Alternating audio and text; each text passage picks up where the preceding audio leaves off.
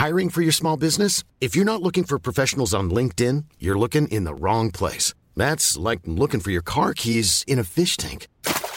LinkedIn helps you hire professionals you can't find anywhere else, even those who aren't actively searching for a new job but might be open to the perfect role. In a given month, over 70% of LinkedIn users don't even visit other leading job sites. So start looking in the right place. With LinkedIn, you can hire professionals like a professional. Post your free job on linkedin.com slash people today.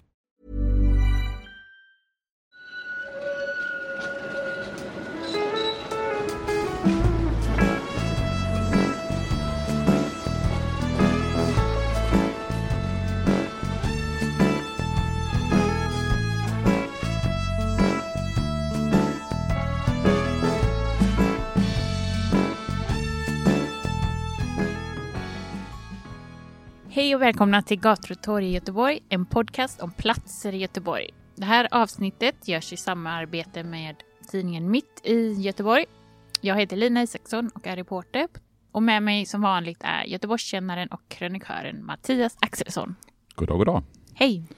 Hej! Vad ska vi prata om idag? Ja, vi sitter ju här på Föreningsgatans eh, ände mot Aschebergsgatan eh, på en pizzeria.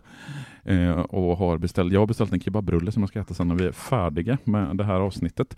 Så det är helt enkelt Föreningsgatan som vi ska prata om idag. Mm. Och om du eh, vill specificera lite mer var den ligger? Ja, alltså, sa ju det att den ena änden ligger vid Aschebergsgatan och sen så sträcker ju den sig eh, bort hela vägen till det som jag tror heter Västergatan, alltså Haga kyrkogatas förlängning, där tvåans spårvagn svänger upp från eh, Vasagatan förbi eh, Handelshögskolan eh, så har vi ju Västergatan och sen så sträcker sig då Föreningsgatan därigenom och korsar på sin väg bland annat Erik Dahlbergsgatan och Carl Gustavsgatan. Så eh, det är en relativt central gata numera, men så har det absolut inte alltid varit historiskt. Nej. Men det här namnet då, var kommer det ifrån? Ja, det var ju egentligen det som gjorde att jag först föreslog att vi skulle podda om den här gatan. För jag fick eh, i anslutning till en föreläsning jag höll uppe i Landala för några månader sedan just frågan om varför Föreningsgatan heter Föreningsgatan. Och det hade jag då ingen aning om. Jag har liksom aldrig reflekterat riktigt över det.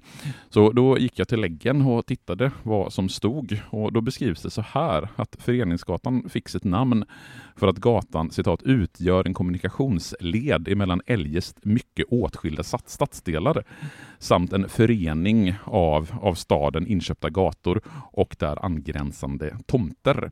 Så Föreningsgatan heter helt enkelt som den gör just för att den förenar olika stadsdelar.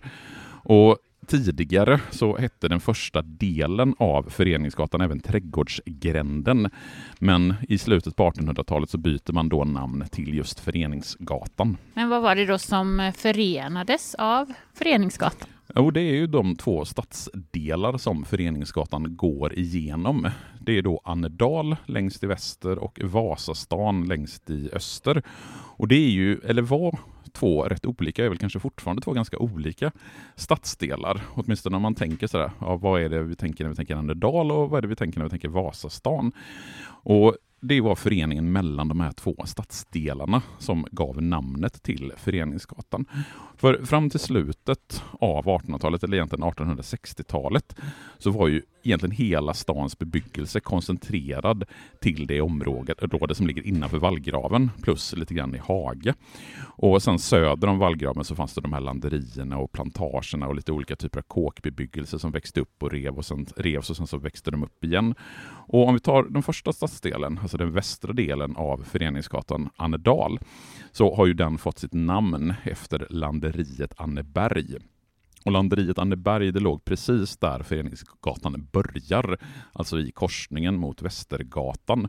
Och namnet Anneberg det kommer från hustrun till handelsman Hans Svebelius som arrenderade det här landeriet på 1700-talet. Hans hustru hette nämligen Anna Hedvig. Och det var från Anna Hedvig som namnet Anneberg kom. Och sen så söder om det här landeriet så fanns det en äng, ett område som kallades då för Annas dal och det gav sedan namnet Annedal. Och det man använde området kring landeriet Andenal till, det var ju bland annat olika typer av jordbruk för att bistå stan med livsmedelsförsörjning. Och sen i den andra änden av Föreningsgatan så har vi då Vasastan. Och Vasastan det är ju en stadsdel som växer fram också den under 1860-talet utifrån den här stadsplanetävlingen som man utlyser 1861. Och det kan vara Sveriges första stadsplanetävling. Det är ju i samband med det här som man lägger ut bland annat Kungsportsavenyn och planerar för Vasagatan och de kvarteren som är i Vasastan. Och Vasastan reserveras ju då för de förnämaste bostadsområdena. Där bygger man högt och man bygger i sten. Och i anslutning till den här planeringen så har vi då dels, som jag sa, Kungsportsavenyn, vi har Vasagatan, vi har Vasaplatsen, vi har Vasaparken som viktiga stråk och platser i det här området. Och tittar man på äldre kartor från just slutet på 1800-talet, och jag ska lägga upp en del av dem på vårt Instagram-konto, så kan man ju tydligt se att fram till mitten på 1800-talet så är ju den här delen av Göteborg, där Föreningsgatan idag går, i princip helt obebyggd. Det finns en del landerier utslängda, det finns en del kåkbebyggelse. Vi har då Annedal i den västra änden, sen har vi även Brantdala, som är ett annat landeri som ligger i den östra delen av den, det området där Föreningsgatan idag ligger. Om ni hör något som låter väldigt mycket i bakgrunden nu så är det eh, två, tre gymnasieklasser som har dundrat in här på pizzerian för att käka lunch. ja. Eh, men du sa först att eh, gatan har hetat Trädgårdsgränd. Mm. Vet du mer om bakgrunden? Ja, eh, för det hänger ju ihop med det som först bebyggs på det som idag är Föreningsgatan. Och runt 1872 så gjorde man en ny stadsplan just för det här området. Alltså det området som idag är Föreningsgatan. Egentligen så var det här området med redan i den tidiga stadsplanen från 1866. Men man liksom dissade de planeringar som man hade på 1860-talet och gjorde istället en ny stadsplan. Och i den stadsplanen, som man också kan se väldigt fina eh, bilder, som jag också det ska lägga upp på vårt Instagram-konto, där reserverade man tomterna för just villor med trädgårdar. Och det är därifrån namnet trädgårdsgränd då kom. Och då var det den, liksom, den första delen av Föreningsgatan som man kallade för trädgårdsgränd. Och det man bebygger på då trädgårdsgränd med början i slutet på 1870-talet, det är då villor med trädgårdar. Och I januari 1878 så beslutar man att tomterna ska säljas på auktion och då bildas Göteborgs tjänstemannabyggnadsförening som består av 18 ämbets och tjänstemän som medlemmar. Och De lägger fram ett förslag om att köpa 20 av tomterna i ett svep.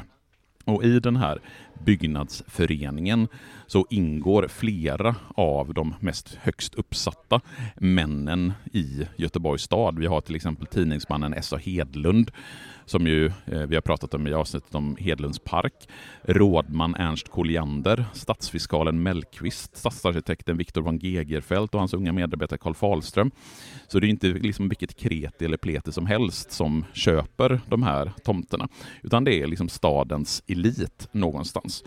Och sen så får de flesta villorna bygglov i slutet av 1878 och på ett par år så är området färdigbyggt med över 20 villor. De flesta är byggda i trä, tre av villorna är byggda i sten och det är framförallt arkitekterna Hans Hedlund och Karl Falström som jobbade på Viktor von Gegefeldts kontor som har ritat de här villorna.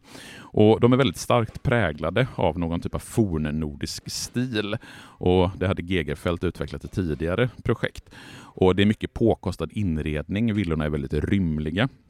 Och tjänstemannastaden, som det här området kommer att kallas, blir tidigt en av sevärdheterna i Göteborg. Och den fornnordiska arkitekturen väcker stor uppmärksamhet även internationellt i olika sammanhang. Så det, det, är verkligen någonting som göteborgarna är stolta över under slutet på 1800-talet. Men vad blir det här då för område när husen är byggda? Ja, alltså när jag ofta tittar så på samtida beskrivningar av områden så brukar jag hitta rätt mycket kritik. Eh, till exempel så var ju stenhusen på Linnégatan väldigt kritiserade när de byggdes. Men det här området möts av väldigt liksom, positiva, eh, väldigt mycket positiv kritik. Det är väldigt populärt i sin samtid. Jag hittade bland annat ett citat som beskriver den här tjänstemannastaden. Att svårligen kan man tänka sig något vackrare och mera praktiskt än de träbyggnader som med höga spetsiga spånklädda tak, vackra verandor som ingång, de stora fönstren väl vore ägnade att tilltala romantiska figurer. Och det är ju en ganska positivt omdöme av de här husen. Mm, verkligen. Och det här området då är ju ett av de äldsta villaområdena i Göteborg och det fortsätter att vara ett populärt område för det finare folket. Eh, på 30-talet så bor till exempel direktören för Götaverken, Hugo Hammar, i en av villorna. Eh, H.G. Turitz, som är en handelsman och direktör, han bor också i en av villorna på Föreningsgatan. Torgny Segerstedt, som är redaktör på Göteborgs Handels och Sjöfartstidning, bor också i en av villorna. Och skulle man idag promenera längs med den liksom, första biten av Föreningsgatan, som ju då kan börja på nummer 11, vi har en delhus i början av gatan, men den första villan på höger sida, om man kommer nerifrån Annedal, där har vi ju tre stycken trävillor som ligger på rad. Och det första huset, Föreningsgatan 11, har en väldigt välbevarad fasad och det är en väldigt dekorerad gavel, en långsträckt balkong som man ser från Föreningsgatan. Och även nästa hus, nummer 13, är inspirerad av den här fornnordiska trästilen, inte lika dramatiskt som en del av de andra husen längs med gatan. Och sen så har vi fortsatt några trävillor och ett av de få bevarade stenhusen, stenvillorna, är i Föreningsgatan 23. För där har man blandat sten och puts med en viss träornamentik ifrån den fornnordiska stilen. Och de här husen de byggs då i slutet på 1800-talet men har under slutet av förra seklet, alltså slutet av 1900-talet, där har man gjort en hel del tillbyggnader på framförallt i trädgårdarna på de här villorna. Och sen så har man gjort någon typ av eh, gång mellan villorna på Föreningsgatan 11 till 19. Och numera så är det ju Samskolan, att Göteborgs högre samskola, som använder fyra av villorna. Och dels så har man förskoleverksamhet, men man har också en del av villorna som kontor. Och om man tittar på den andra sidan av gatan, alltså på vänstra sidan av gatan när man kommer ner från Annedal, så finns det ett av de få bevarade husen på den sidan, nämligen Föreningsgatan 12. Och där inrättade man tidigt en läkarmottagning som 1926 övertogs av Samskolan och som fortfarande använder den här villan för sin verksamhet och det är den enda kvarvarande villan på den norra sidan av Föreningsgatan. Okej, men vad hände med villorna på den norra sidan då som inte Ja, de fick ju liksom många andra byggnader i Göteborg på, under efterkrigstiden ge plats för höghus. Alltså man behövde ju fler bostäder i den växande staden Göteborg. Och de husen som ligger på den norra delen av Föreningsgatan precis i början, det är höghus som uppförs under början av 1960-talet. Och arkitekten till de här husen, det är Nils Einar Eriksson, en av de främsta företrädarna för svensk modernism. Han har ritat bland annat Göteborgs konserthus, Centrumhuset vid Kungsportsplatsen, Folkets hus, biografen Draken vid Järntorget. Och ska man beskriva de här husen, eh, höghusen, så är det fyra stycken elvavåningshus med ljusa putsade fasader. Och de sticker ut lite grann i Göteborgs stadsbild på grund av den betydande höjdskillnad som är till den övriga bebyggelsen i området. Alltså det är höga hus som ligger väldigt högt. Och det har beskrivits som att eh, de här punkthusen representerar någon typ av övergångsperiod mellan den tidigare funktionalismen och den mer rationella byggnadsteknik som skulle komma att dominera när man sedan bygger miljonprogrammet. Dels har man det här påkostade materialet och välutformade detaljerna som är typiskt för funkisstilen. Men det finns också drag av den här mer rationella amerikanskt inspirerade stilen som sen skulle slå igenom fullständigt i slutet på 60 och början på 1970-talet. Och det finns en väldigt typisk koppling eller särskild koppling till Göteborgs historia och kulturella arv eftersom journalisten och politikern Ingrid Segerstedt Wiberg bodde i ett av de här punkthusen. Och i entréhallen i ett av husen finns ett konstverk som porträtterar hennes far, alltså Torgny Segerstedt. Och på tomten mitt emot den fastigheten i östlig riktning så fanns den så kallade Segerstedtska villan som inte rivs förrän i början av 1990-talet och ersätts med ytterligare ett höghus som byggdes för att liksom harmonisera med den övriga bebyggelsen i det som kallas för då kvarteret Idegran. Men eh, förutom villorna då i norra delen av Föreningsgatan så revs eh, hus även längre österut. Ja, det är ju den här sorgliga perioden i Göteborgs historia, alltså efterkrigstiden, då eh, Göteborgspolitikerna bestämmer att det är väldigt många hus som ska rivas i centrala Göteborg. Och ett av de hus som man verkligen kan sakna och som man verkligen kan tycka var fan vad synd att de rev de husen, det huset som låg i korsningen Föreningsgatan Carl Gustavsgatan. För det låg Dicksonska stiftelsens bostadshus byggt 1870-71. Och det är då fyra stycken låga tegelhus med 32 lägenheter om ett rum och kök. Och den första hyresgästen i det här Dicksonska huset flyttade in den 1 oktober 1871 och då kostade det 10 kronor per månad att bo där. Och den Dicksonska stiftelsen, alltså Robert Dicksons stiftelse har ju hus runt om i Göteborg. Vi pratade ganska mycket om det i avsnittet om Karl Grimbergsgatan, för där är ju husen faktiskt bevarade. Eh, men i de här husen på, i korsningen Föreningsgatan, Karl Gustavsgatan, så bodde olika yrkesgrupper, till exempel hantverkare, citat ansvarsfulla arbetare, snickare, järnvägsarbetare, fabriksarbetare, målare. Och det som var typiskt för de här husen, eh, alltså de Dicksonska husen, det var just att det skulle vara för skötsamma arbetare. Det var inte vilka arbetare som helst, utan man skulle kunna visa upp ett, liksom ett gott leverne någonstans. Och Det finns ju fotografier bevarade som jag ska lägga upp på vårt Instagram-konto, men de liknar väldigt mycket de Dicksonska husen som ligger på Haga Nygata och som man inte rev, utan som man istället valde att bevara. För det som händer med de Dicksonska husen längs med Föreningsgatan, det är att den Dicksonska stiftelsen 1969 säljer sina fyra hus till det kommunala saneringsbolaget Göta Lejon. Och Göta Lejon och saneringsbolag, det har vi pratat om jättemånga gånger i den här podden. För Göta Lejon är ju det här kommunala saneringsbolaget som har ansvar för att riva hela kvarter och bygga nytt. Och strategin för det här området var tydlig. För citat, husen ska inte behållas i sin nuvarande skick. På de närliggande områdena byggs modern bebyggelse och det gamla huset ska inte skilja sig allt för mycket. Och det man gör det är att man river husen 1970 och ersätter dem med bostads och kontorshus i sju våningar. Och om du tittar på de två bilderna eh, som är tagna från exakt samma perspektiv med ungefär då 100 års mellanrum. Det första översta bilden från då 1870-talets slut någonstans och sen så vad, man, vad, som bygger, vad som kommer sen. Hur skulle du beskriva dina känslor inför det här? Ja, lite trist. Det är ju väldigt mycket skärmigare de första mm. Eh, husen kan man ju tycka. Och det känns också konstigt att riva liksom tegel och ja. sen Nej men det man gör, man river ju allt. Liksom. Eh, för man behövde, och det här som var i de Dicksonska husen, det är väldigt ytineffektivt på något sätt. Alltså ska du ha in mycket, många lägenheter och många rum så behöver du bygga högre och du behöver bygga mer yteffektivt. Men tittar man på de här bilderna jämför, alltså jämte varandra så kan man ju känna en viss sorg i hjärtat för att vad som försvann ifrån Föreningsgatan. Och sen är det ju inte bara de här eh, Dicksonska husen utan även ytterligare villor på den norra sidan får ju lämna plats för någon typ av brutalistisk efterkrigstidsbebyggelse. Och då är vi framförallt då i mitten på Föreningsgatan. Ja, trist. Ja, och sen i slutet av gatan där vi sitter finns ju dock några välbevarade stenhus från eh, förra sekelskiftet. Ja, de här stenhusen de eh, vågade sig Göta Lejon inte på. Det var lättare att ta tegelhusen som de skötsamma arbetarna bodde i.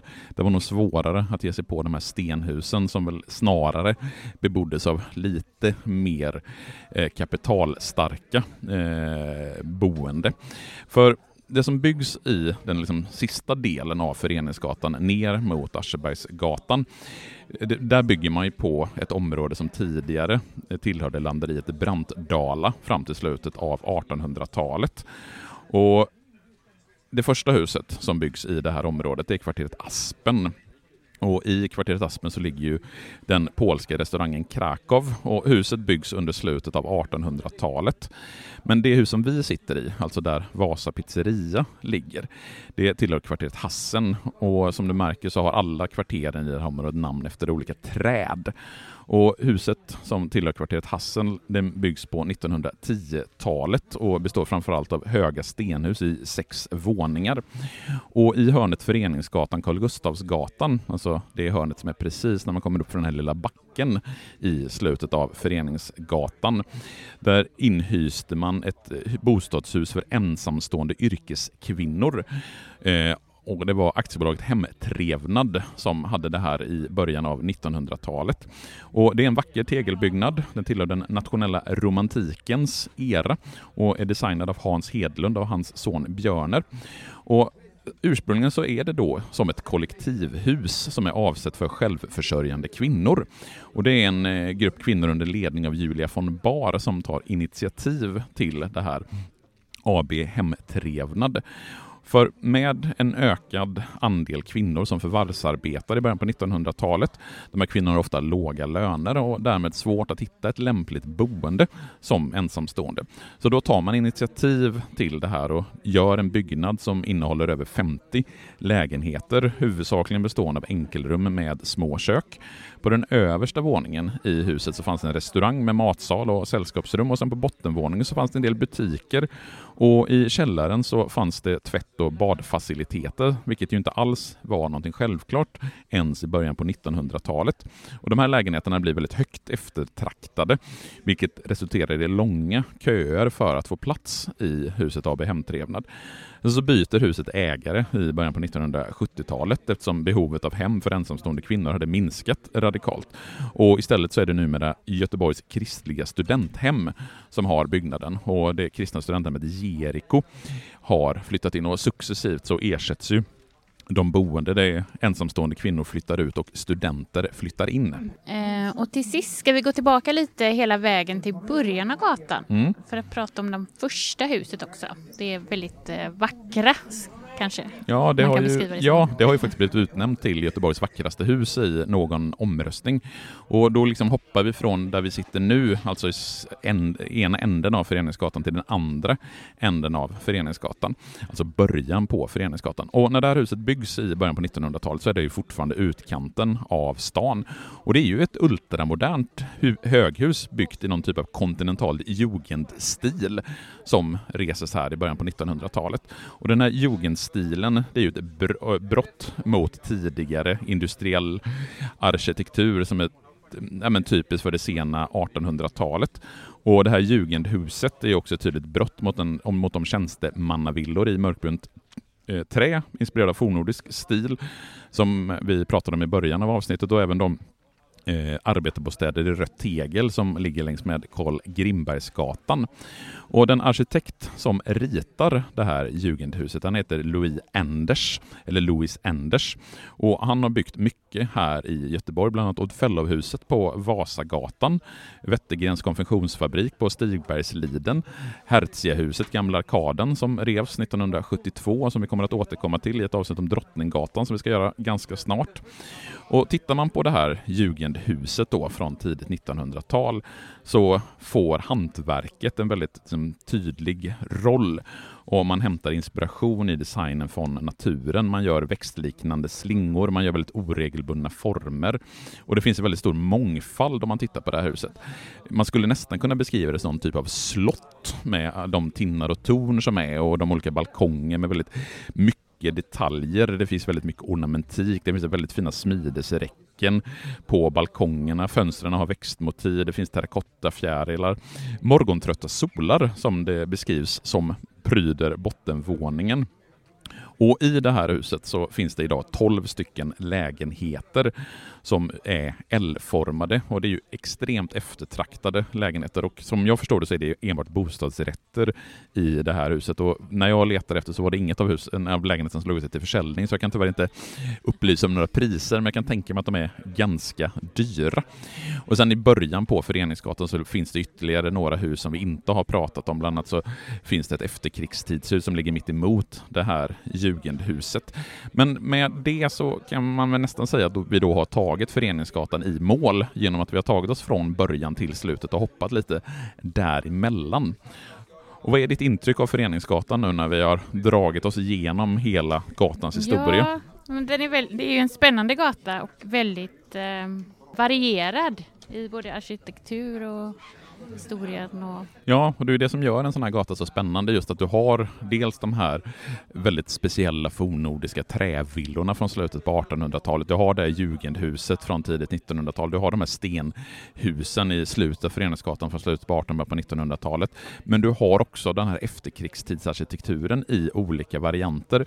Dels är lite mer funkisinspirerade i början på Föreningsgatan och sen det här lite mer brutalistiska som vi har i mitten på Föreningsgatan. Så promenerar man längs med Föreningsgatan så får man ju verkligen väldigt många arkitekturstilar längs med vägen. Och jag ska ju lägga upp en hel del bilder på, eh, från Föreningsgatan på vårt Instagram-konto. Ja, men eh, tack för att du har lyssnat. I Mitt i Göteborg kommer det att komma en artikel med fina foton på Föreningsgatan. Hörs om en vecka. Det gör vi. Hej då! Hej då!